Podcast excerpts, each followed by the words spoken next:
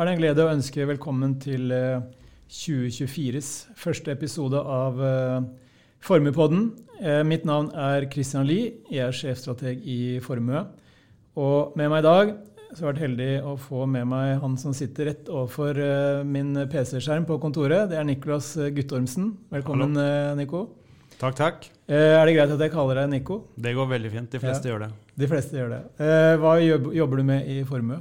Jeg leder aksjeforvaltningen i Forma. Nettopp. Det vi skal snakke om i dag, det er jo da betimelig nok litt aksjer. Ja. hovedsakelig aksjemarkedet. Vi skal selvsagt se på hvordan markedene og økonomien har utviklet seg så langt i 2024. Og hovedtemaet vårt i dag det er litt sånn et spill på ukeskommentaren vår forrige uke. Hvor vi rett og slett spør om vi bør forvente lavere aksjeavkastning de, de neste årene. Så det kommer vi litt uh, tilbake til til slutt. Nå skal jo ikke Formuepodden handle så mye om formue, egentlig. Vi pleier ikke å snakke så mye om hva vi gjør. Men akkurat i dag så tenkte jeg det var litt greit å ta opp uh, en sak som har kommet i, i Finansavisen. Fordi Finansavisen uh, ja, retter litt sånn kritikk mot formue. Og spesifikt kanskje aksjeløsningene, at vi har for mange fond. Og så får man da en, en såkalt ekspertuttalelse fra en professor eh, om at eh, jo flere fond man har, desto større sannsynlighet er det for at du nærmer deg eh, indeksavkastning. Og da tenker jeg på antallet aktivt forvaltede fond. Og, og Nico, jeg tenkte det egentlig var greit at vi, vi, avklarer hvor vi står i den diskusjonen der eh, i poden også. Fordi vi har jo bygget opp en, en eh, fondsløsning i, i formue ja. som består av ganske mange fond. Uh, men det betyr vel ikke nødvendigvis at det, betyr, altså at det blir en replikering av en indeks? Nei, absolutt ikke. Det er kanskje noen begreper her også som sammenblandes litt, tror jeg. Man kan jo begynne litt med det at altså, antall fond i seg selv betyr jo ikke noe i forhold til hva slags det man, man kaller aktiv andel eh, mot en indeks er. Hva, si, hvor, er aktiv andel? Altså, hvor, altså det er graden av avvik mot en referanseindeks. Ja, Så i hvilken grad porteføljesammensetningen i et aktivt forvaltet fond tilsvarer porteføljesammensetningen i en referanseindeks? Nettopp. Og det, det, det, handler jo mer om hva slags type aksjefond du er investert i. Eh, og det handler også om hva slags type selskaper og vektinger det fondet har i underliggende selskaper. Ja. Uh, og det eh, hvis man tenker på en portefølje av uh, man, kan jo, man, kan jo, selvfølgelig ta en argumentasjon om at uh, hvis to aktive forvaltere har motsatte kall det, vekter i én aksje, sånn at det blir den, så blir den samme som indeksen, fair enough. Men i det store og det hele så er det jo hva slags type eksponering disse forvalterne har. Eh, og Det kan jo være alt fra at de har en helt annen sektorsammensetning, de har en helt annen type vekt i selskaper som har kanskje en liten vekt i indeks. De kan ha en overvekt i eh, til og med de største, eh, eller en stor undervekt i de største. Og Hvis du setter sammen ulike fond som på hver, hver for seg er veldig aktive, så kan du allikevel skape en totalportefølje som også er aktiv. Fordi ja. de skiller seg fra hverandre. De eier kanskje ikke samme type aksjer, men allikevel så er de eh, hver for seg svært aktive. Eh. For, for det er også et litt sånn poeng oppe i den diskusjonen her, da, det er at vi i Formue vi er jo ikke en kapitalforvalter, vi sitter jo ikke og forvalter våre egne fond. Vi er en uavhengig rådgiver som prøver å plukke noen av de vi tror er flinkest da, på den aktive siden eh, rundt omkring i, i verden. Og, og, det jeg tenker da, liksom, da blir det nødvendigvis en fond-i-fond-løsning, fordi ja. vi ønsker å få til en god risikospredning. Men kan du si litt om eh, For det er du som har ansvaret for å velge de aksjefondene som ligger i våre aksjeløsninger. Ja. Eh, hva er det du egentlig ser etter hos hver enkelt forvalter, og hvordan bygger du det opp til en helhet? Ja. Uh, i, i, form av at den poden ikke skal være så lang, så skal vi prøve å gjøre det kort. Men, men det man ser etter ofte, er jo at de fondene vi investerer i, er jo veldig aktive i seg selv. Det er det første. De, de, man vet jo at aktiv forvaltning i snitt det har vært vanskelig. Eh, kanskje til og med kan man si at aktiv forvaltning i sum er et negativt eh, spill etter kostnader. Men det fins jo forvaltere som, eh, som, er veldig aktive. Dvs. Si at man har en veldig høy aktiv andel. Hva, hva snakker vi om da? hos noen av Nei, For våre, våre forvaltere på globalsiden er alle over 90 Ok, Så, så, så det betyr at uh, porteføljesammensetningen hos disse fondene 90% av den avviker fra sammensetningen i referanseindeksen? Ja, det er riktig. Og det kan du enten få ved å avvike fra de selskapene som er i indeksen, eller du kan kjøpe selskaper som er utenfor indeksen. De er ikke inkludert i den indeksen heller. Akkurat, så, så, noen av forvalterne har kjøpt uh, selskaper som ikke er i referanseindeksen i det hele tatt? Stemmer. Akkurat. Og det er jo fordi den vanligste referanseindeksene de er jo eh, såkalt markedsverdivektet indekser. Så det representerer et stort del av markedsverdien globalt, f.eks. i en AKVI-indeks, All Country ja, det, World. Ja, det er MSCI World All Countries Index, heter det vel på ja, norsk. Ja, og den, den, tar jo for seg alle de største selskapene i alle land. I 23 developed markets og 24 emerging markets. Og den, og den sammensetningen handler om at våre forvaltere ser jo på mange flere aksjer enn det som ligger i denne indeksen. Mange flere selskaper som faktisk er ganske store også, som ja. ikke inngår i denne indeksen. Ja. Men det handler litt om likviditet og andre ting som gjør at de ikke er eh, kall det kompatible med den måten MSCI setter opp en indeks på. Nettopp. For, for, noe av kritikken var jo også at uh, man fikk eksponering mot så innmari mange selskaper. Men den indeksen du refererer til, altså den globale referanseindeksen, den har vel 2900 selskaper eller noe sånt nå. Ja, litt så, mer. Litt mer. Så hvis man da kjøper et globalt indeksfond, som da replikerer indeksen helt nøyaktig, ja. så er det også nesten 3000 selskaper i porteføljen. Men de aktivt forvaltede fondene som du plukker ut, de har ikke 3000 Nei. selskaper som de investerer i. Det kan være variasjon. Eh, noen har veldig high conviction, dvs. Si 25 aksjer. Eh, noen, eh, og det er ofte eh, kanskje litt de man tenker på som sånn kvalitet, stabil vekst, den type forvaltere som fokuserer på det. Der vi ser at det er største porteføljer, det er hos de såkalte verdiorienterte forvalterne. De sprer risikoen på en litt større måte. Der er det normalt i global sammenheng å ha kall det 80 selskaper i en portefølje. Og totalt sett for oss, som har, eh, har eh, åtte forvaltere globalt, så, så, så, blir det en sum på rundt sånn 450 selskaper. Eh, og det er da ganske få av de som disse forvalterne faktisk er enige om. Så hvis man ser på hvor mye mange aksjer er de eier til felles, Hvor mye som overlapper? overlapper, så er jo det svært lite. Så mellom hvert fond så kan du si at to, to, fond da, som har ganske lik eh, investeringsfilosofi, eh, tenker på de samme tingene. De ender også opp med ulike aksjer og skiller seg fra hverandre. Så, så vi, vi, ønsker jo ikke å ha risk på risk, og samme risken eh, i et system som vi har i et annet system, det trenger vi jo ikke. Mm. Vi har jo en portefølje som skal komplementere de andre fondene. Så de skal være ulike, og de skal spille på ulike strenger. Ja. Ehm, et, siste poeng rundt det her. fordi Vi vet jo at eh, som du er inne på, så er det jo veldig mange aktive fond som ikke har klart å slå sine referanseindekser. Og Det skyldes jo bl.a. at disse aktive fondene ikke har mulighet til å ha like stor andel i disse amerikanske gigantselskapene som selve indeksen. Men et annet spørsmål det er jo hvis man da sammenligner våre aktive forvaltere og våre løsninger med andre aktive forvaltere, så har vi vel vært rimelig si, vært både dyktige og heldige. Ja, I relativ forstand. Kan du, kan du, si, er det, er det, mulig å tallfeste liksom, Er vi i den øverste halvdelen eller nederste halvdelen av tilsvarende aktive forvaltere? Ja, jeg kan, si, jeg kan kanskje si det på en annen måte også. fordi eh, hvis du spoler litt tilbake, så ja, denne perioden har vært tøff. Altså De siste 10-15 årene, egentlig siden finanskrisen, så har jo har det vært, eh, har, har, på en måte globale aksjefond hatt fått litt dårlig rykte. Aktive globale fond, fordi indeks har vært såpass bra i den perioden. Men dette går jo i sykler. så Vi har jo sett uh, i perioden i, på 2000-tallet osv. Så, videre, så var det jo mye mer, eller høyere suksessrate for aktive forvaltere mm. enn det det har vært nå. da. Mm. Men, men, for vår del så, så, har vi alltid fokusert på dette med risikospredning og risikojustert avkastning. Altså det skal være, eh, Vi skal ha mest mulig avkastning for den risikoen vi påtar oss. Eh, og, og, der så ligger vi jo siden, siden 2010, da. Eh, helt i toppen, hvis man tenker risikojustert, i forhold til markedet der ute. Altså våre forvaltere samlet sett har gjort det veldig godt. Ok. Da skal vi gå litt uh, videre i, i, Men kan jeg bare si ja. også, fordi det er jo En ting er jo på en måte antall fond som liksom refereres til, men det er jo også viktig å få kanskje legge den litt død, at det har jo egentlig ikke noe å si hvor mange aksjer du har heller.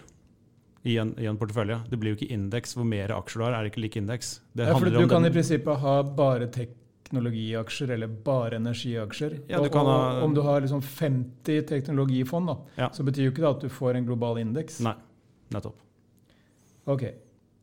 Da skal vi over på 2024. Eh, eh, hva er det egentlig som har kjennetegnet eh, finansmarkedene så langt i, i 2024, Nico? Vi har jo en global indeks, eller globale aksjer, målt i dollar.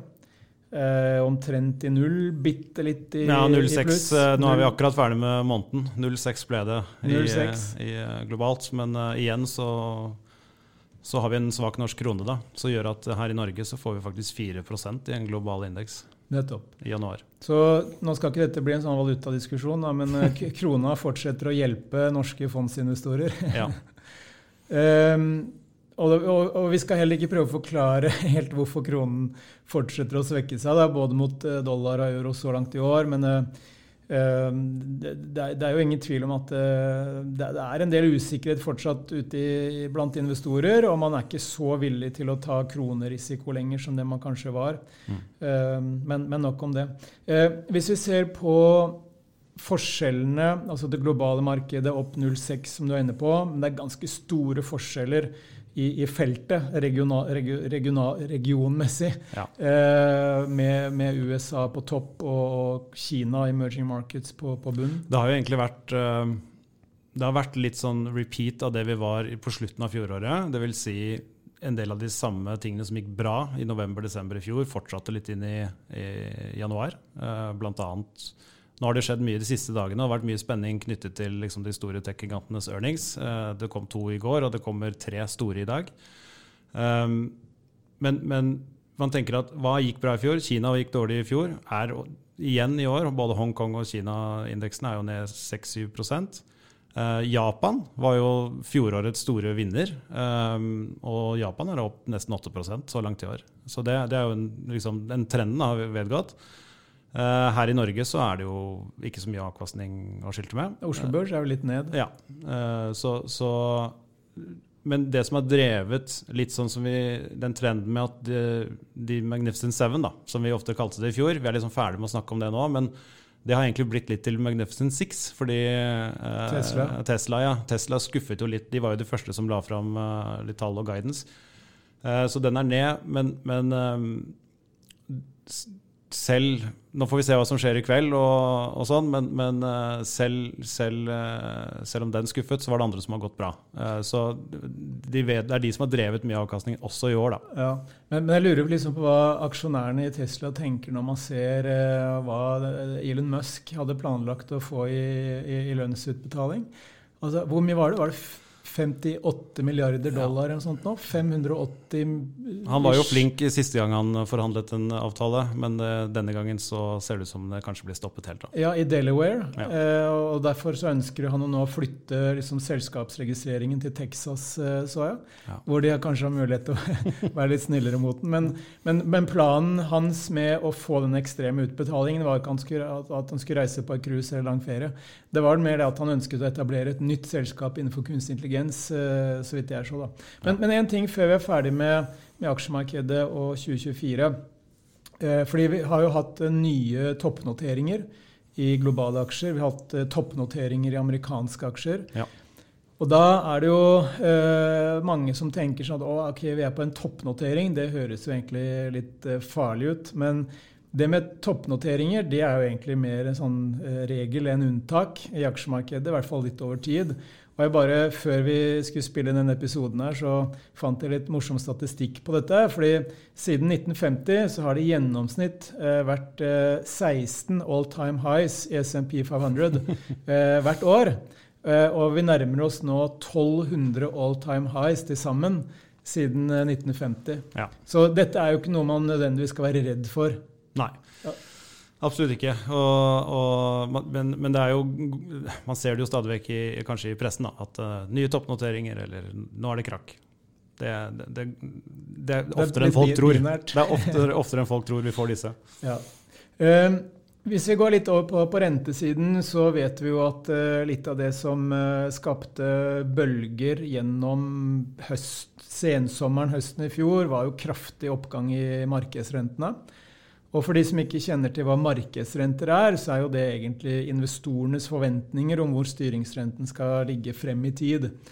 Og, og det som da var med på å utløse det, var bl.a. litt sånn stikk i inflasjon, og vi så tendenser til at uh, investorene begynte å bli litt bekymra over eksempelvis amerikanske statsfinanser. At uh, staten måtte ut og låne mer penger enn det de hadde forventet osv. Mm. Uh, og så kom rentene ned utover høsten inn mot uh, årsskiftet. Og det var jo veldig med på å drive aksjemarkedene oppover. Og så har rentene kommet bitte litt opp igjen nå. Men hvis vi da peker på verdens viktigste rente, som er den amerikanske tiåringen, så var jo den på 5% på det meste i midten av oktober. Og den ligger nå på 4 eh, Men den var altså nede på en halv prosent ja. eh, rett etter pandemien i, i, 2020. Og det var jo møte i, i går? Det var møte i går, ja. og hva ble utfallet der? Ingen endring. Ingen endring. Nei, men, men, men kanskje det man tenkte i, i, den dagen hvor noen av disse tech-selskapene skuffet, eh, så var det jo først ganske blodrødt. Eh, men samtidig så falt jo faktisk den tiårige renten også litt gjennom dagen, som gjorde at de fikk en støtte igjen. Så da, mm. da endte dagen ikke så ille allikevel. Nei. Men det som er interessant da på rentesiden, det er jo at eh, investorene har jo ganske heftige forventninger i forhold til hvor mye sentralbanken i Europa og USA skal kutte styringsrenten gjennom 2024. Mm. Og jeg så nettopp nå at uh, i Europa, eller eurosonen så forventes det nesten seks uh, Både i USA og eurosonen så forventes det nesten seks rentekutt i 2024. Og Det betyr at eh, siden det nå sannsynligvis ikke kommer noe i mars, da, som markedet har trodd, så vil jo de måtte pakkes ganske tett utover i året. Fordi sentralbankene selv de, er, de, er, jo ikke der. Altså, Fed har vel signalisert tre rentekutt, kanskje? Ja, man kan lett lese det ut fra, fra den såkalte dot plot-grafen, hvordan Fed-medlemmene uh, ligger. Um, markedet har lenge ligget godt under de. Altså Dvs. Si en raskere kuttbane enn det Fed selv sier. da. Mm. Og Hvis vi ser på f.eks. en amerikansk tiårig statsrente, som er verdens viktigste rente, så ligger den på rundt 4 og Det betyr jo da i prinsippet at uh, markedet forventer at i gjennomsnitt så skal styringsrenten i USA ligge på 4% over de neste ti årene.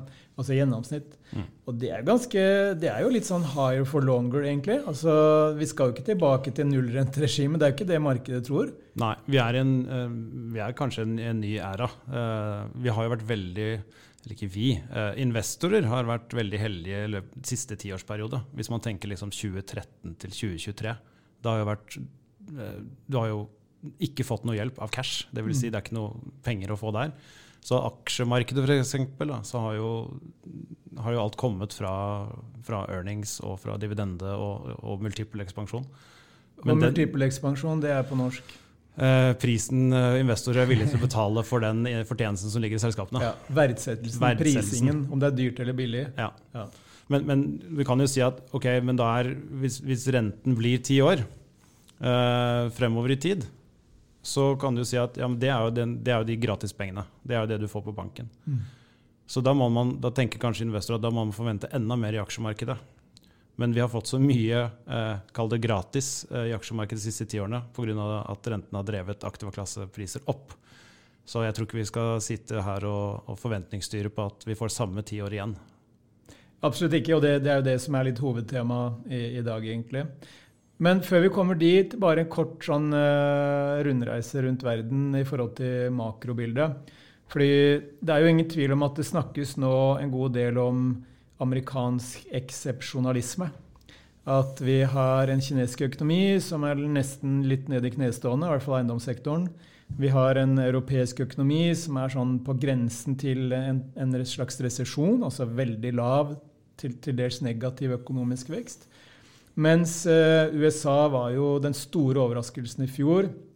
Ved inngangen til 2023 så forventet jo var 70 av amerikanske økonomer de forventet resesjon. For første gang i historien så forventet amerikanske aksjestrateger negativ avkastning. Mm. Så feil kan man altså ta. Uh, og det vi så gjennom 2023, var at amerikansk økonomi faktisk akselererte. Og det ser vi faktisk tegn til nå også, at uh, mens man i Kina, Japan til dels, uh, Europa sparer ganske mye penger fortsatt. Man sparer mye av inntekten sin. I Kina så er spareraten på 35% Så fortsetter amerikanerne å bruke penger de ikke har.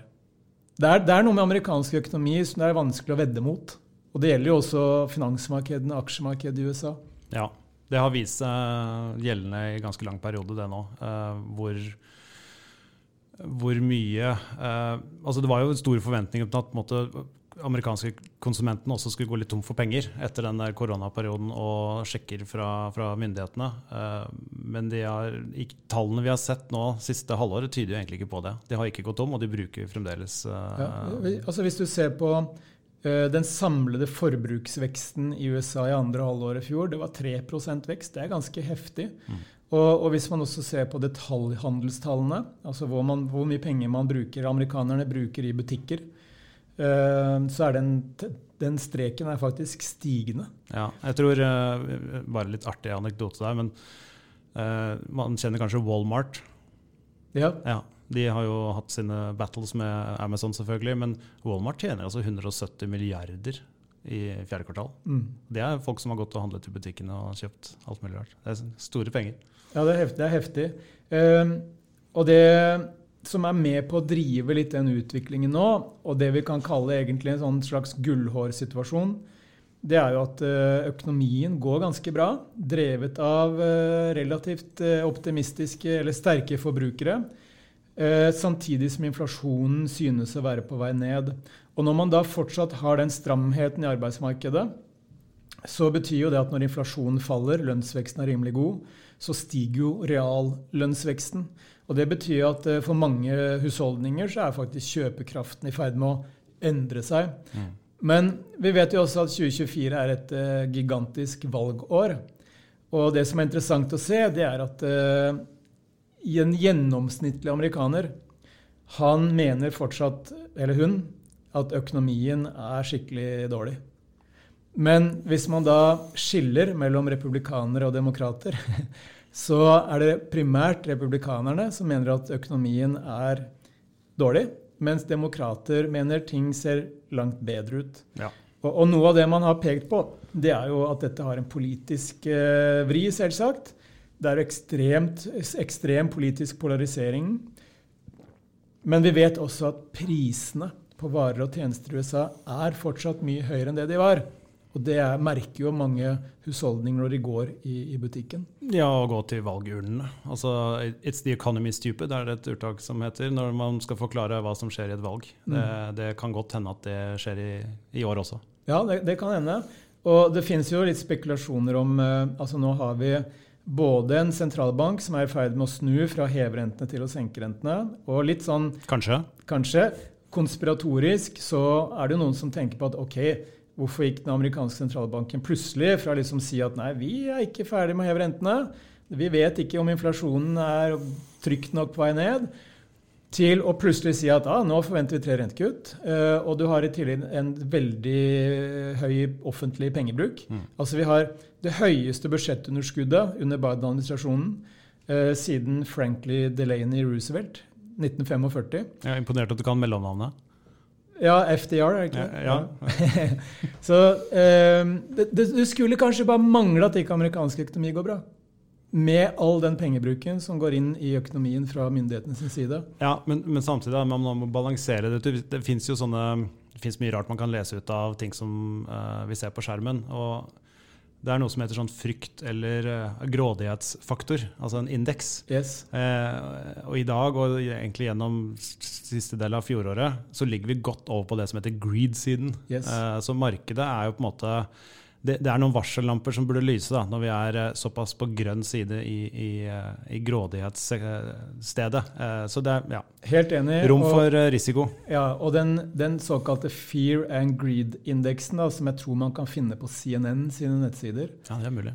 så har jo den dataleverandøren som jeg bruker veldig mye, de har laget en replika av den indeksen. Og jeg så på den før vi gikk eh, til innspilling i dag, og den er faktisk eh, Den har egentlig bare vært litt høyere under IT-boblen. Mm. Så det er basert på de faktorene som er lagt inn i den modellen, da, så er det ganske mye optimisme i finansmarkedene. Men akkurat det kommer vi litt eh, tilbake til. Så USA helt klart i tet. Eh, når det gjelder Kina, når jeg prøvde å lese meg litt opp på status for Kina og prøvde å finne ut ok, hva, hva er situasjonen, så dukker det egentlig opp ganske mange utfordringer.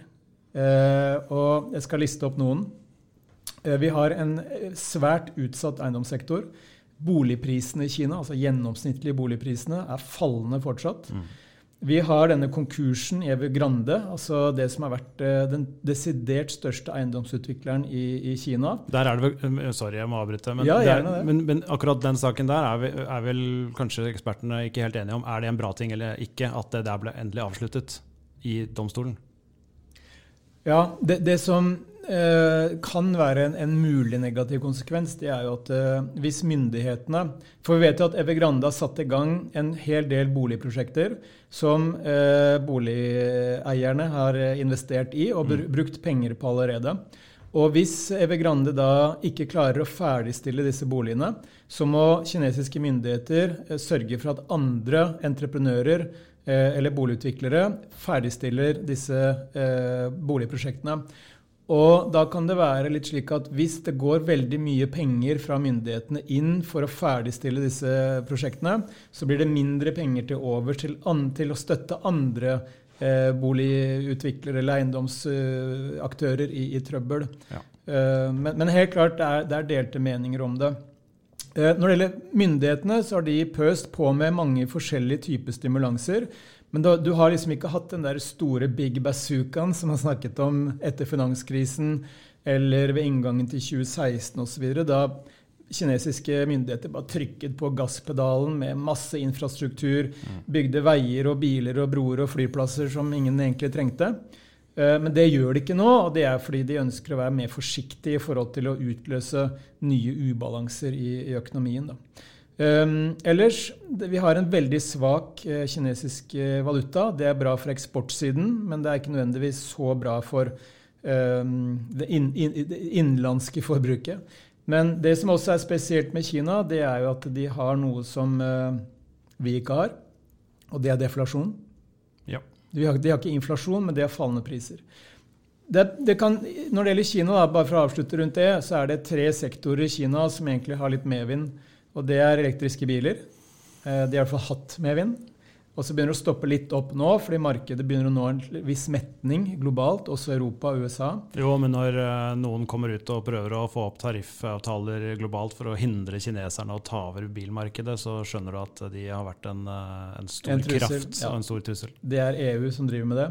Eh, solcelleteknologi, der eier de nesten hele markedet. Eh, og ikke minst batteriutvikling.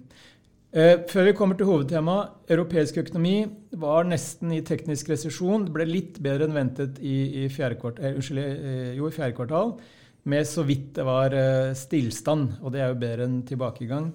Ellers så tynges europeisk økonomi av fortsatt høye renter, strenge banker, eh, forsiktige forbrukere, svak eksport til Kina, og også, som vi har vært inne på, en, en litt utsatt eh, bilsektor. Mm. Men da skal vi over på det viktigste temaet i dag, og det er jo egentlig om vi bør forvente eh, lavere avkastning i aksjemarkedet de kommende årene. Og der er det jo to ting sånn hovedsakelig som driver avkastningen over tid. Det ene det er selskapsinntjening. Og det, jo, det andre er det du var inne på, prising eller risikovilje. Altså hvor villige er investorene til enhver tid til å betale mer eller mindre for aksjene, gitt det de tror kommer til å bli inntjening frem i tid. Ja, Vi må ikke glemme den tredje. Utbytte fra selskapene. Selvsagt. Eh, Men hvis vi tar det med utbytter, da, så vet vi at over tid så har jo utbytter i snitt er det 1,5 til 2,5-3% i året fra Eh, amerikanske aksjer. Ja, i, i, ja på, I dag så ligger den, og den har ligget der lenge, sånn 2,2. Ja. Ja. Litt høyere her i Norden og, og sånn, og, og litt delvis også i Asia, men, men amerikanske aksjer rundt to. Ja, fordi, fordi Hvis man da ser på en, en lang historikk over aksjemarkedet med eller uten reinvesterte utbytter, da er forskjellen gigantisk. Gigantisk. Så hvis man er, investerer i enkeltaksjer så, og baserer det liksom enkeltaksjer i en langsiktig investeringsstrategi, så er du ganske avhengig av å reinvestere utbyttene over tid. Men det, i et aksjefond så skjer det automatisk. Eh, normalt sett. Man, kan også man velge, man kan velge løsninger som faktisk betaler ut det utbyttet som ligger under også, men det, det er de færreste som gjør. Finnes det i Norge? Eh, det er ikke så normalt, nei. Nei. Eh, det vil jeg ikke. ta. Da må det spesialfond i så fall. Ja, okay. Men hvis vi tar de to andre tingene, da, altså selskapsinntjening og verdsettelse, og så begynner vi med selskapsinntjening, hva er det egentlig som driver inntjeningen over tid?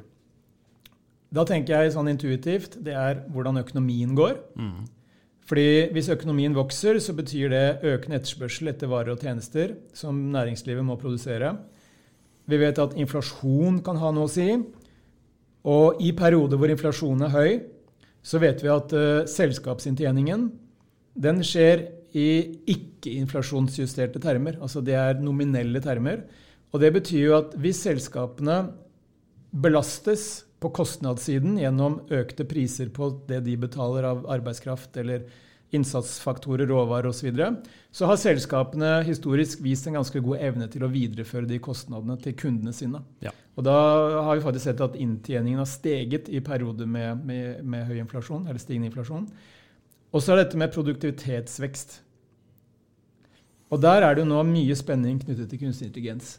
Det er kanskje derfor disse Magnificent Seven har gjort det så bra. Det er, eh, det er, det, det er sånn det har vært eh, beskrevet. Eh, Det har jo egentlig Noen selskaper har allerede begynt å kapitalisere på kunstig intelligens, men kursene har jo gått på den fremtidige forventningen om at det er noen selskaper der ute som virkelig skal kunne tjene godt på dette. Mm, Så, mm. så det ligger absolutt i avkastningen for, for en del selskaper. Ja.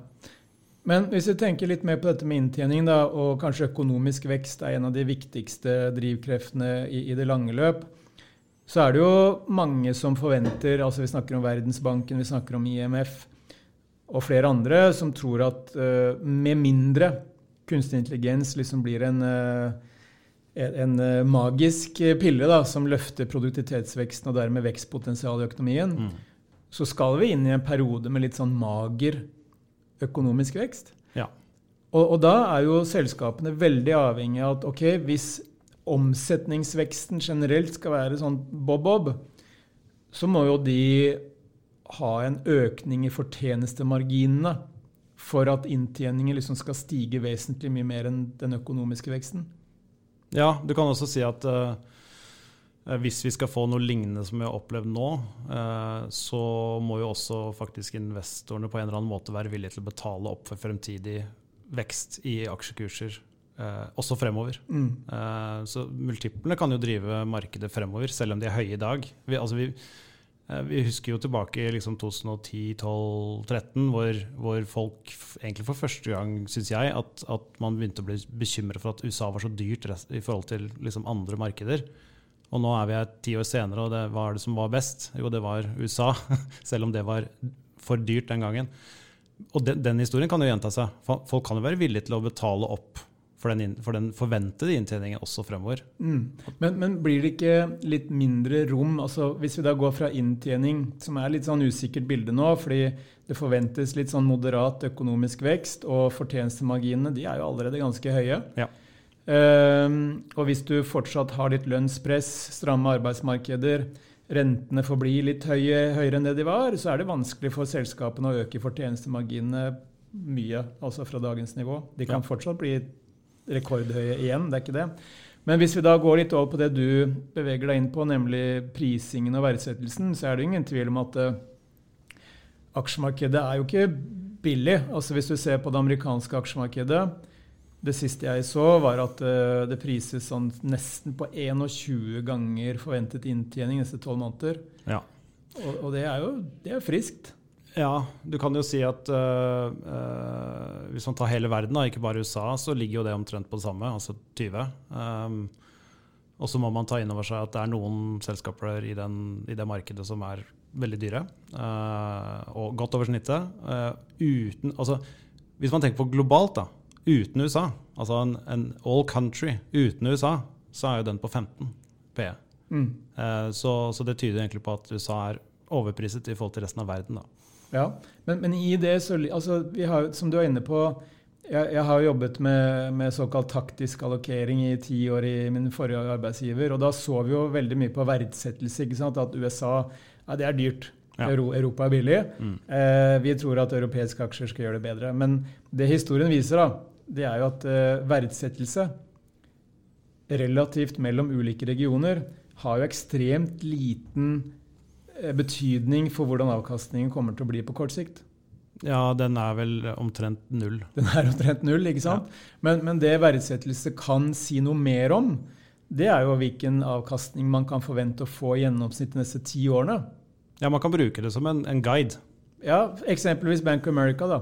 De sier jo det at uh, over 80% av avkastningsvariasjonene over en tiårsperiode kommer fra verdsettelsen, altså forskjeller i verdsettelse. Og det er spesifikt for amerikanske aksjer. Og det betyr at hvis man da eh, ikke tror at økonomien liksom skal blomstre noe voldsomt, og at omsetningsveksten skal liksom bare skyrocket, eller at det er veldig mye rom for økning i fortjenestemarginene, eh, så betyr jo det at man skal kanskje være litt forsiktig med å være optimist med tanke på skyhøy avkastning de neste ti årene? Ja, basert på den indikatoren alene, så er jeg enig. Men det som, det som kan forandre det bildet her, Nico, er, er ikke det egentlig kunstig intelligens? Eh, jeg ønsker Hvordan skal jeg uttale på det her? Dette er et tema som kanskje forteller en helt egen pod, ja. hvor, hvor, vi faktisk tar inn liksom noen ledende personer på det. Kan, ja. ja. Det hadde vært gøy. Ja, det hadde vært gøy. Men så er det jo også slik at det er jo ingen som helt vet hvor kunstig intelligens vil bringe økonomien eller bringe verden. fordi det, du har på en måte et konstruktivt spor, og så har du et destruktivt spor. Og sannheten vil vel kanskje ende et sted i, i, imellom.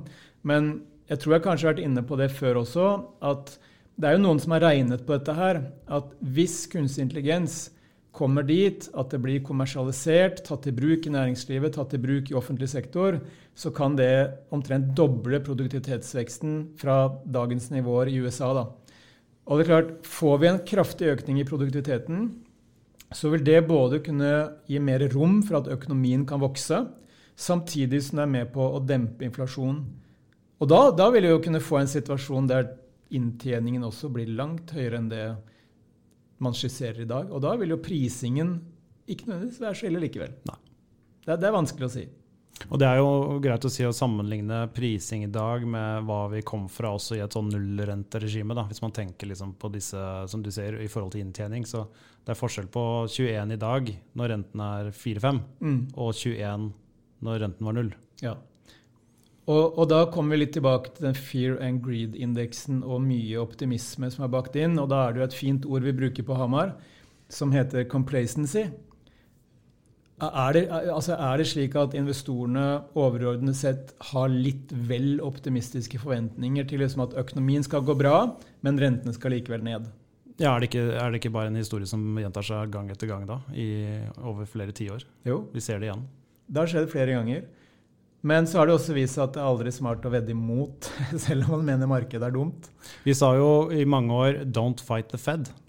Det var det mange som prøvde på. Mm. Og så kom det et uttrykk. Nei, sentralbanken, det de sier, det er faktisk det de kommer til å gjøre. Og så ble jo sentralbankene mye mer varsomme på hva de begynte å snakke om ute i media. Eh, nå driver markedet og fighter Fed som bare det. Veldig. Og det, og det, er jo litt det vi var inne på. At markedet tror på seks kutt, mens Fed sier ja, kanskje tre. Mm. Og det kan jo føre til at hvis f.eks. amerikansk økonomi holder seg sterkere da, enn det mange forventer, og arbeidsmarkedene fortsetter å være stramme, og lønnsveksten er der, så kan vi faktisk få en situasjon der inflasjonen kommer tilbake. Absolutt, men, men, det smitter jo også over til ikke bare USA. Hvis det går bra der, så er det en, en, en dempende effekt for resten av verden også. Det er det. det er det. Men, men, det vil jeg si er kanskje den mest underprisede risikoen i finansmarkedet i øyeblikket. Det er at inflasjonen ikke faller ned til to, men at den faktisk begynner å, å stige igjen. Fordi det, det, mange peker på, er at eh, det har vært helt åpenbart, i USA spesielt, at inflasjonen har vært drevet av det vi kaller tilbudssidefaktorer. Ja. Eh, knyttet til pandemien, knyttet til disse problemene i forsyningskjedene osv. Og, Og da er det slik at når tilbudssiden, altså eh, disse flaskehalsene har løst seg opp, og liksom produksjonskapasiteten kommer tilbake til normalt Hvis du da har en etterspørsel i økonomien som fortsetter å være bra, herregud, inflasjonen kan komme tilbake, og da bommer jo markedene ganske grovt i forhold til rentekutt. Ja, det er godt oppsummert. Mest sannsynlig. Men vi skal begynne å runde av. Og det som jeg syns er uh, en grei avslutning på Formuepodden i dag, det er jo egentlig å, å, snakke litt om hvordan skal man forholde seg til dette som investor, eller fondsinvestor. For det er jo ingen tvil om at uh, det, ikke, altså, det, å investere i aksjemarkedet over tid, det er jo en litt sånn utfordring. fordi man kan se historisk at ok, man har fått 9 eller 10 eh, avkastning i snitt per år. Men det er jo ikke det man opplever i, i, realiteten. Altså, Man får plutselig et kjempebra år, og så får man et kjempedårlig år. Ja. Og summen er jo den gjennomsnittsavkastningen man får over tid. Og den gjennomsnittsavkastningen man får over tid, er jo det færreste som får. Pga. at man prøver å være smart underveis. I løpet av en 20-årsperiode så kanskje man prøver å time litt og, og gjøre noe feil underveis. Så man får jo sjelden, altså investorer får jo sjelden den aktive altså aksjeklasse eh, ak, Aksjeavkastningen. Markedsavkastningen. Ja. Ja, Det, det finnes det jo flere studier på også. at jo, jo, smartere man prøver å være, desto lettere er det å miste markedsavkastning over tid. Mm. Um, men det som vi vel anbefaler, og som vi da delvis har blitt kritisert for i Finansavisen i dag, det er her å Vi har jo et uh, veldig fokus på, på, risikospredning og investere uten egentlig det jeg kaller skarpe kanter, eller å ta store veddemål. Ja. Hvorfor, hvorfor, gjør vi ikke det? Hvorfor tar vi ikke de store veddemålene? Eh, fordi det er veldig vanskelig å systematisk få rett på over tid.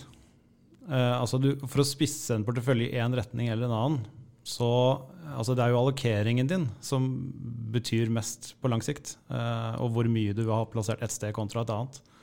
Å time disse skiftene hvor noen deler av markedet går mye, og i neste periode faller mye, og så prøve å time det over tid, det er veldig veldig vanskelig. Så det å være, liksom, å være investert, fullinvestert, og eh, ha en bred tilnærming eh, og, og risikodiversifisering, det er fornuftig. Ja, og man, man kan også si at uh, vi mener det er hensiktsmessig å diversifisere på tvers av både aktive aksjefond og indeksfond.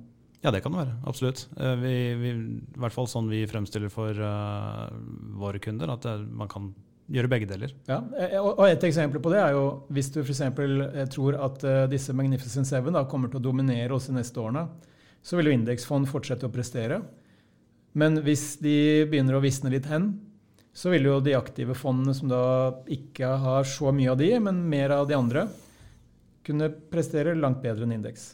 Ja, denne gangen er det de. Uh, tidligere har det vært andre ting som har vært gjort at markedet ble konsentrert på en eller annen måte. Uh, og hvor mer markedet er konsentrert, hvor høyere på en måte nedsiderisiko er det da, ved at eh, noen av disse selskapene faktisk ikke leverer på det markedet forventer. Litt sånn som Tesla i øyeblikket. Ja, det, det er jo skyhøye forventninger til, eh, til eh, ja, de topp syv selskapene som skal nå levere resultater, tre av de i mm. dag. Mm. Bra. Jeg tror vi skal runde av. Eh, det jeg har notert, det er en bred global portefølje. Ikke ta konsentrerte valg, holde seg til planen. Tenke langsiktig og kjøpe mer under kriser. Godt oppsummert. Tusen takk for at du hørte på oss i dag. Eh, ønsker deg en eh, flott dag videre. Takk for oss.